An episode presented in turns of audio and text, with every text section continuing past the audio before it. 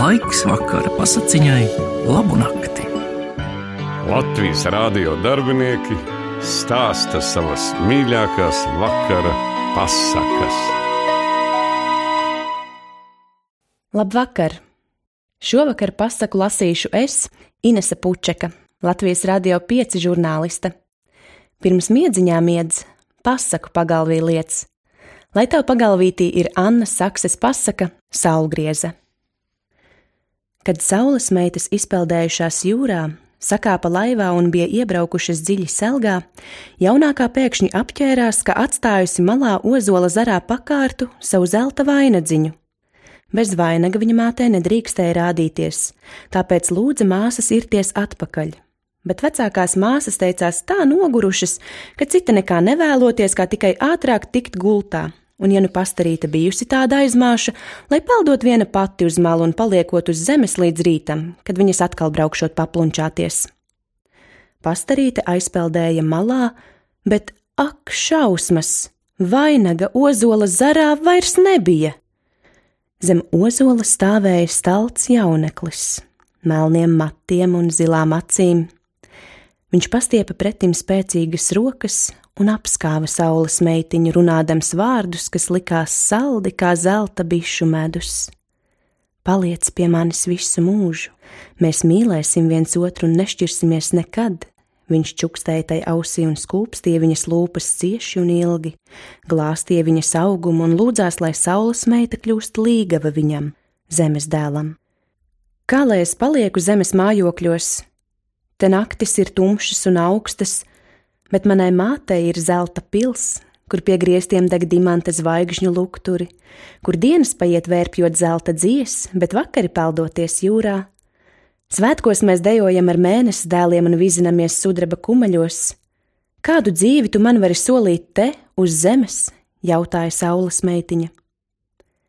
Es tev varu solīt rasainus rītus, kur tīksni veldzēt kājas, putnu dziesmas un koku šalkas.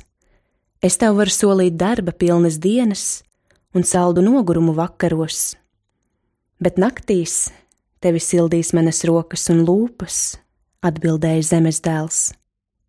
Rādi man zemes burvības, un es pēc tam izlemšu, palikt pie tevis vai atgriezties pie mātes, sacīja saules meita. Un zemes dēls aizveda viņu pie upes, kur ziedēja ievas un pogoja lakstīgalas. Vai tu esi kādreiz dzirdējusi tik skaistu dziesmu? jautāja zemes dēls. Nē, it nekad, atzinās saules meita. Un vai tu esi dzirdējusi, kā čalo upe traukdamās uz jūru, vai tu esi jutusi, kā smaržo ievas, un vai tu zināji, kas ir mīlestība? Tu esi mana mīlestība, es palikšu pie tevis, apsolīja saules meita, un zemes dēls ieveda viņu klētiņā, kur viņa ieraudzīja uz naglas pakārtu savu zelta vainadziņu. Veltīgi saule otrā rītā aicināja meitu atpakaļ uz mājām, veltīgi stāstīja, cik grūta viņai būs dzīve svešā malā.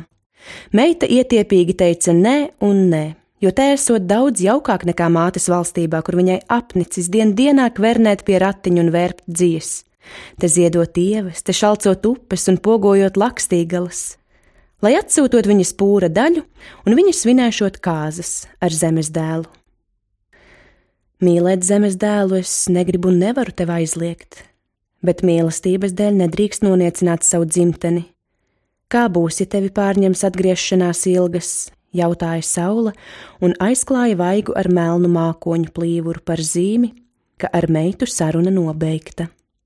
Es jau atpakaļ nelūkšos, lepni atkliedza saules pastarīte. Pagāja kāzas, kā jau kāzas, un zemes māte teica, ka nu vedaklai jāsāk darba gaitas. Likšot viņai dārzā bites ganīt, jo cita darba jau tāda baltrocīta nepratīšot.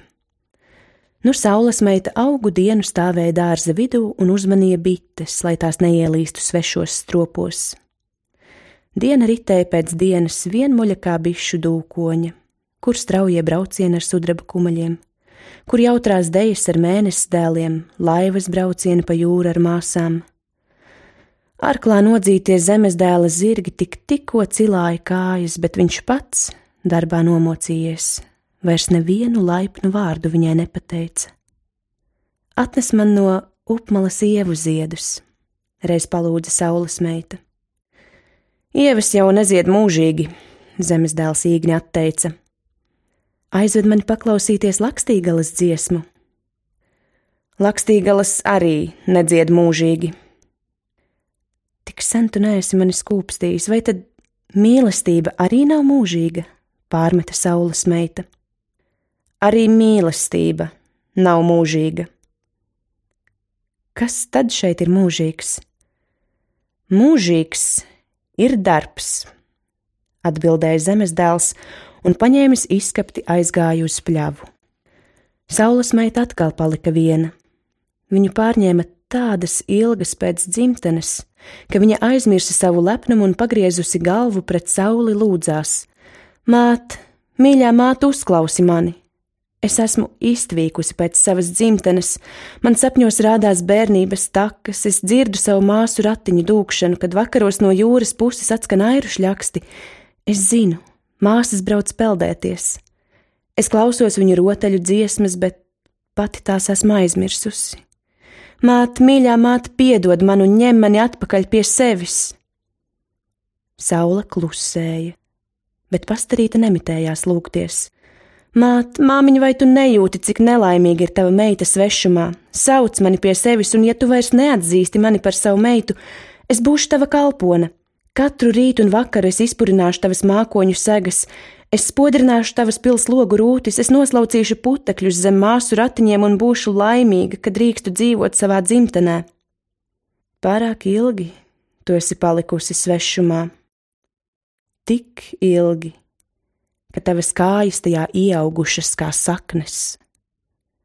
Es nevaru tev vairs palīdzēt, atbildēja saule un aizsedz acis ar baltu mākoņu dvieli.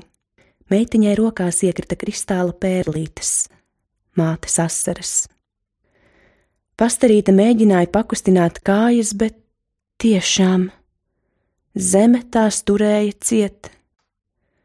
Tā viņa palika uz zemes un pārvērtās par puķi, kas ilgās pēc dzimtenes, ar vienvērš ziedu uz saules pusi. Tāpēc arī viņu sauc par saulgriezi.